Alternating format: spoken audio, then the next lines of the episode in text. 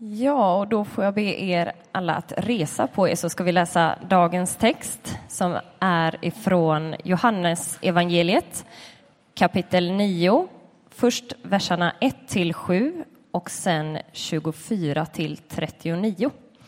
Och eh, det finns på sidan 763 i de röda biblarna.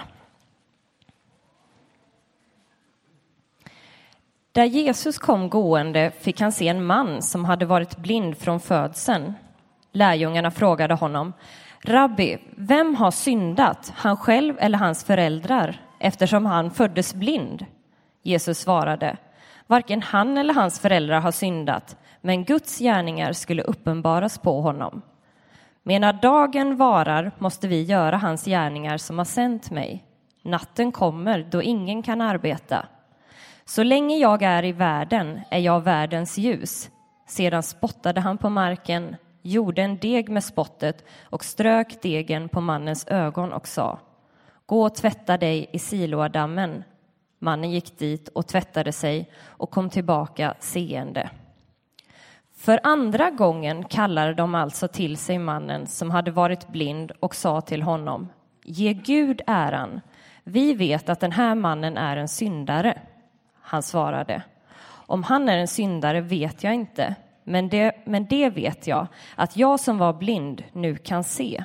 De frågade honom, vad gjorde han med dig? Hur öppnade han dina ögon? Han svarade, det har jag redan sagt er, men ni vill inte lyssna. Varför vill ni höra det igen? Kanske ni också tänker bli hans lärjungar? Då snäste de av honom och sa, du är hans lärjunge, men vi är Moses lärjungar. Vi vet att Gud har talat till Mose, men varifrån den här mannen kommer, det vet vi inte. Han svarade, ja, det är det märkliga, att ni inte vet varifrån han kommer och ändå har han öppnat mina ögon. Vi vet att Gud inte lyssnar till syndare, men om någon fruktar Gud och gör hans vilja, då lyssnar han till honom. Aldrig förr har man hört att någon har öppnat ögonen på en som var född blind.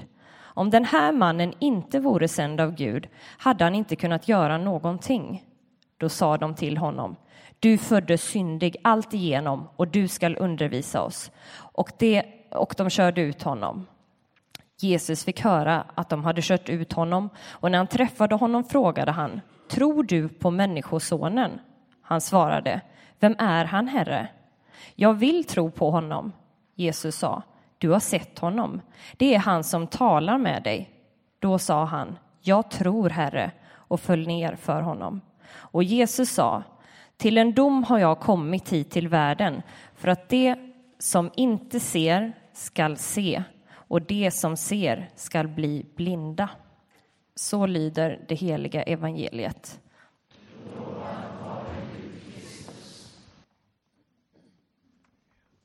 Lina inledde här med att tala om tron, om känslan och vittnade och berättade om att känslorna kan gå upp och ner och att tron är någonting djupare än det. Och någonstans där jag sammanfattar det jag tänkte säga, så jag funderar på om jag ska gå ner igen. Men jag tänker att jag kan väl utveckla det där lite grann. Och jag tänkte göra det genom att eh, eh knyta an till en man och då den här mannen som vi ofta återkommer till, eh, han är i ett speciellt känslotillstånd. Han är besviken. Och därför skulle jag vilja börja i den känslan. Har du varit besviken någon gång? Ja, det är kanske en onödig fråga. Det har vi nog alla. Kanske är mer frågan relevant.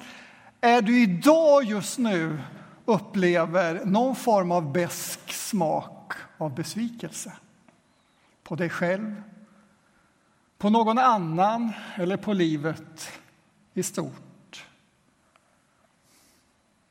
Den man vi ska gå till var besviken på Gud. Och vi ska läsa dagens gamla testamentliga text om Abraham ur Första Moseboken, kapitel 15. De första sex verserna. En tid därefter kom Herrens ord till Abraham i en syn. Var inte rädd, Abraham. Jag är din sköld. Du ska bli rikt belönad. Abraham sade, Herre min Gud, vad är det du vill ge mig? Jag går ju bort barnlös.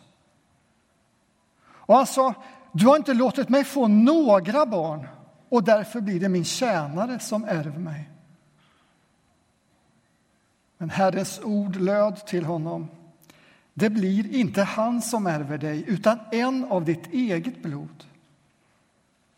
Och Herren förde honom ut och sade, se nu upp mot himlen och räkna stjärnorna, om du kan. Så talrika skall dina ättlingar bli. Abraham trodde Herren och därför räknade Herren honom som rättfärdig.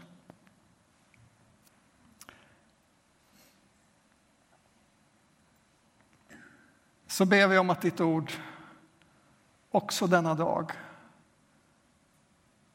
blir levande för oss och till liv. Amen.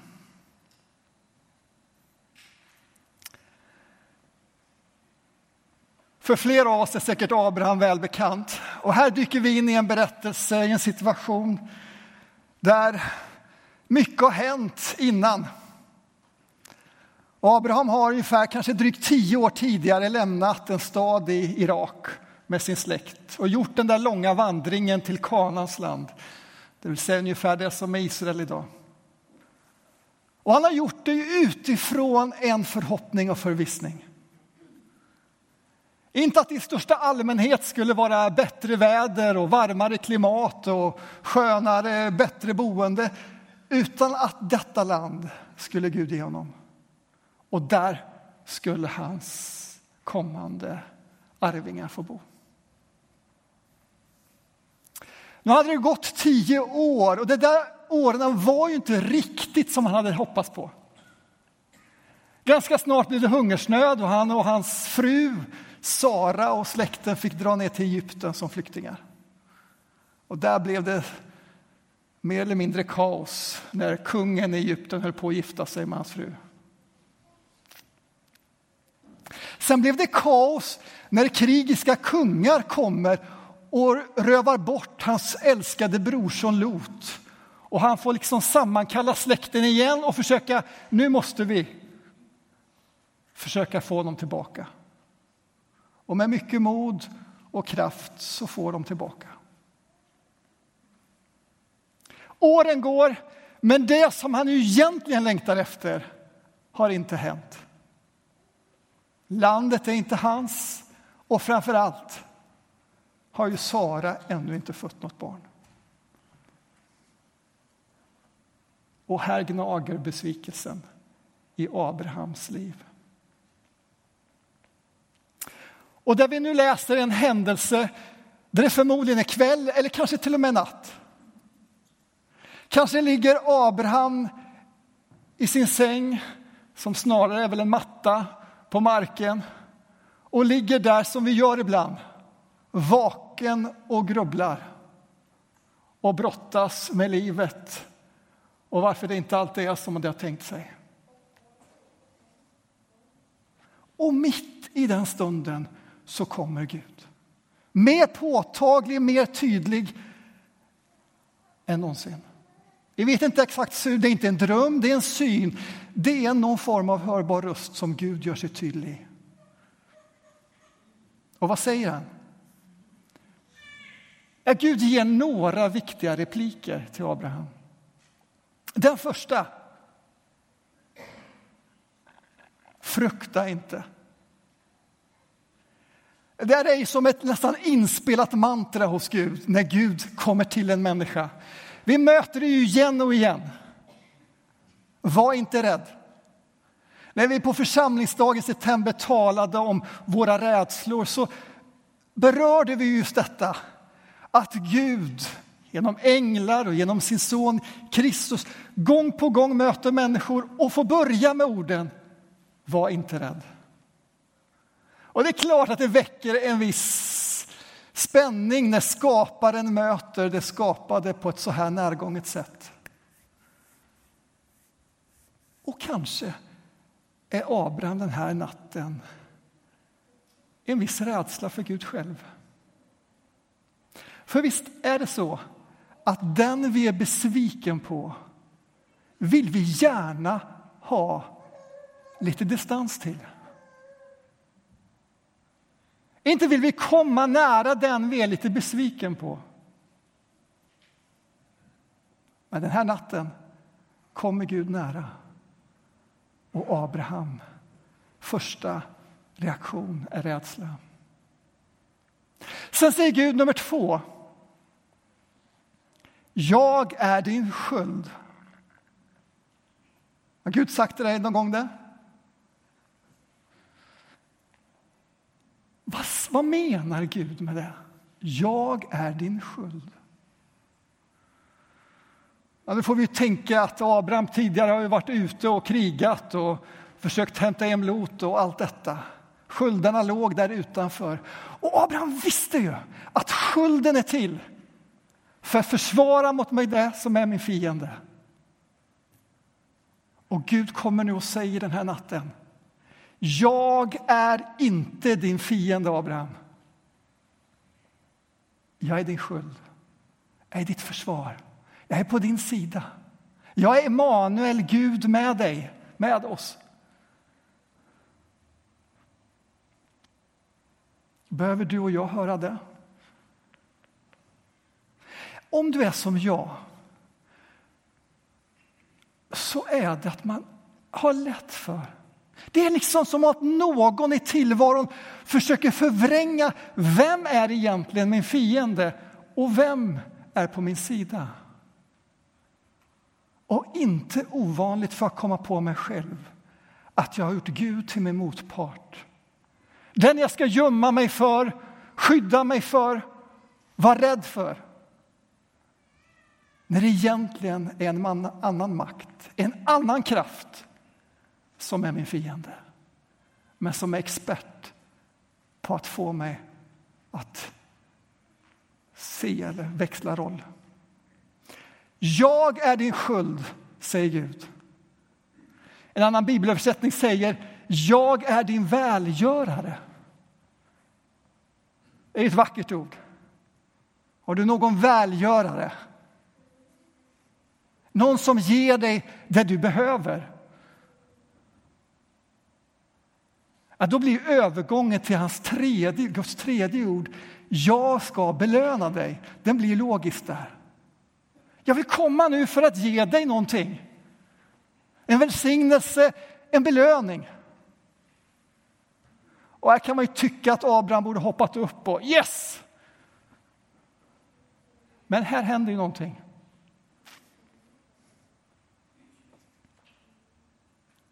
För första gången i Abrahams berättelse bjuder Abraham Gud motstånd.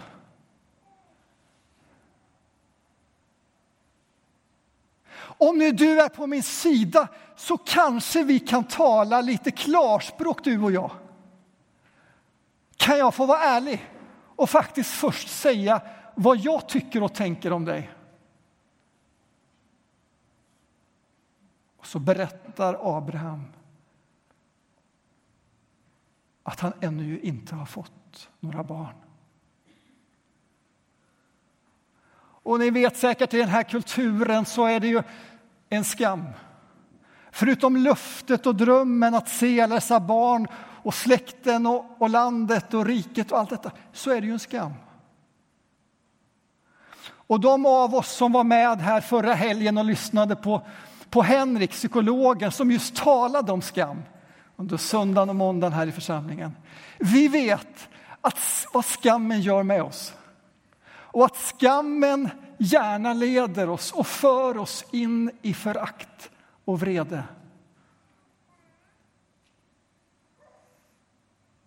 Och kanske är det någonting av det som Abraham har. Jag har ju ännu inga barn, Gud. vreden, besvikelsen är tydlig. I alla fall är det vad jag hör. Och vad händer när skapade blir ärlig mot sin skapare och säger på detta sätt? Det ligger inte i skaparens mandat att trycka till den lilla skaparen som tror sig vara något. Nej, vi känner inte Gud sån. Utan utifrån Bibelns berättelse så vet vi att Gud älskar ett uppriktigt hjärta. Att han dras till ärliga samtal där vi faktiskt säger vad vi tänker och känner.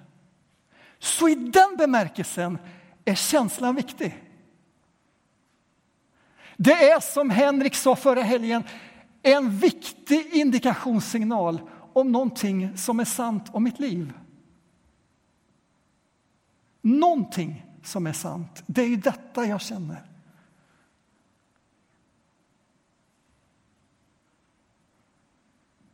Och jag kan föreställa mig Gud fundera den här natten vid Abrahams sovrum. Hur ska jag nå hans hjärta? Och så får han en idé och manar Abraham att lämna det där ganska trångsynta rummet han befinner sig i och föras ut sitt tält. Och där rymden är lite större, där blicken når lite längre bort. Och så dras blicken uppåt mot stjärnevärlden. Undrar om vi får någon stjärnevärld vi kan dra oss någon blick till.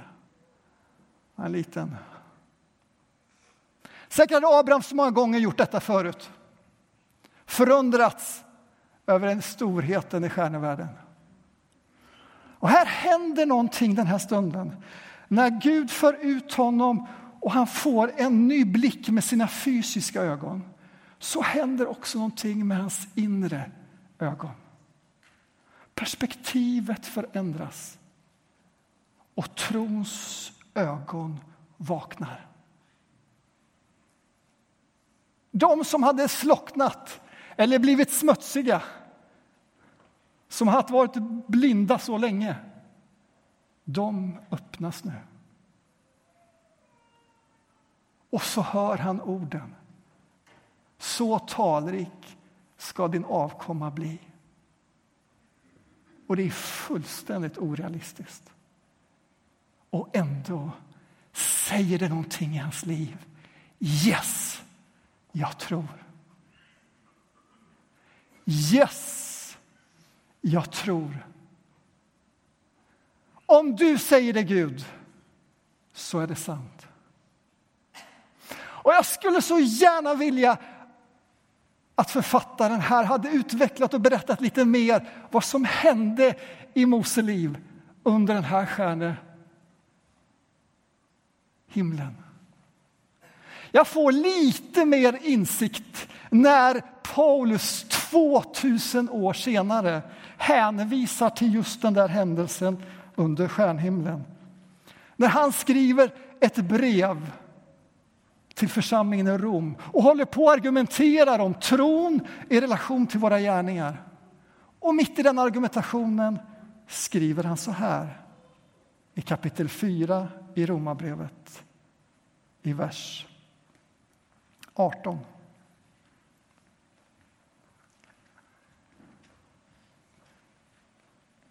Där allt hopp var ute höll Abraham fast vid hoppet och trodde. Ja, så att han kunde bli far till många folk enligt ordet så talrik ska din avkomma bli. Abraham sviktade inte i tron då han tänkte och såg sin egen kropp som ju var utan livskraft. Han var ju omkring hundra år gammal.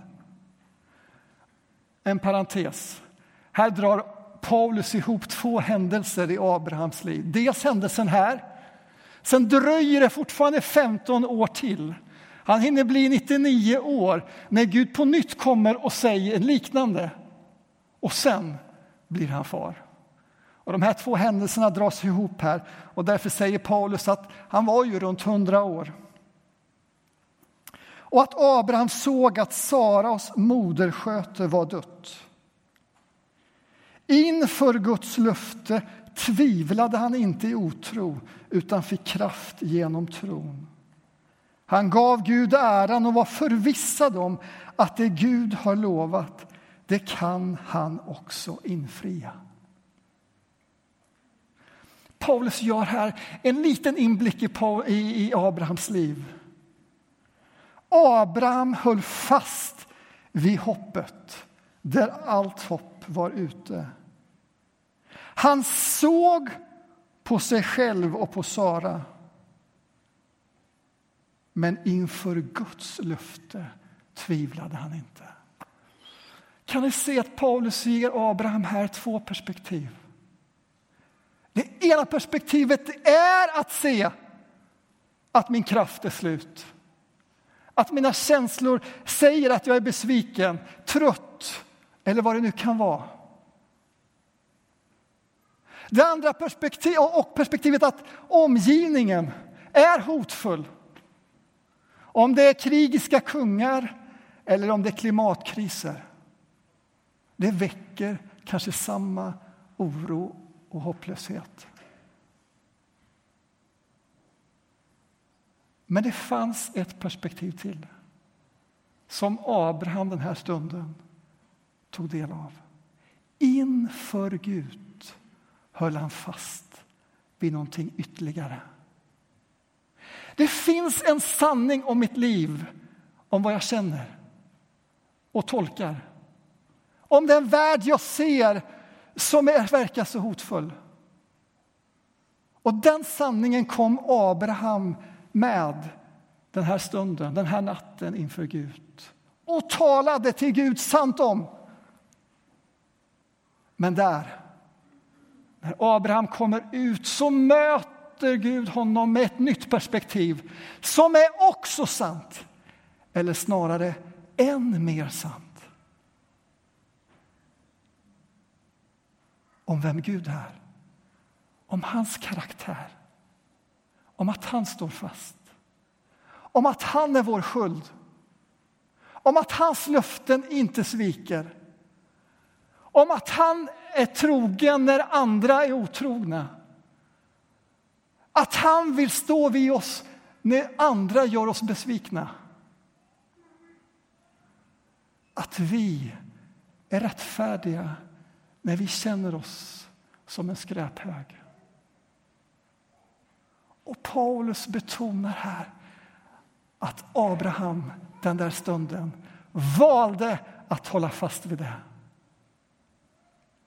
Och när jag läser detta och läser om hur, hur Abraham då fick kraft genom denna tro och förvissning som inte var någonting han hade pumpat upp utan som han hade fått ta emot, ta emot där. Då ber jag till Gud. Gud, ge mig också denna. Gud, mätta också mig med den tron. Och det handlar inte om storleken, utan mer vart jag placerar den. Vart jag fäster den vid. Vid min känsla, vid dagens kvällsnyheter eller vid hans ord vid hans karaktär, vid den Gud säger sig vara. Där finns kraft, en källa som trons folk i alla tider har fått leva ur. Och därför skulle jag bara vilja skicka med dig in i den här dagen. Om du är besviken eller inte, det spelar ingen roll. Det finns en kraft, en källa i trons liv som vi kanske har smakat en gång, men som har dammat igen. Och jag skulle vilja be dig om att jag och du och att vi finge få smaka någonting av det som Abraham där. Att besvikelsen är inte allt. Att det jag hör omkring mig på nyheterna är inte allt. Det finns en större verklighet att hämta sin kraft ur. Och jag skulle vilja säga det till er som är unga vuxna, som jag bara vet det bara väller över av valmöjligheter och man blir ångestfylld av allt som ska hinnas med och göras. Att be om att få en sån upplevelse, erfarenhet i sitt liv som man får leda ens liv i fortsättningen. Eller till oss som liksom mig är mitt i livet och förpliktelserna är många och jobbet kräver allt och vad allt vad det nu är.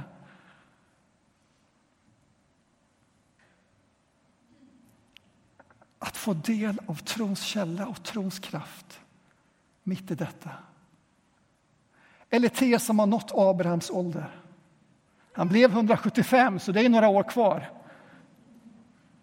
Som kanske bara ser tillbaka på livet och kanske finns det både tacksamhet och besvikelse. Gud vill föra oss till trons källa och ge oss av trons kraft så att vi ser och att vi är och uttrycker att vi är trons folk och blir hoppets folk i en värld som söker hopp och tro. Och till sist till dig som bara famlar. Jag vet inte vem jag tror på. Till dig får vi vilja säga, påminna om den blinde mannens sista ord där i berättelsen i Johannes. Vem är han? Vem är du? Jag vill tro. Amen.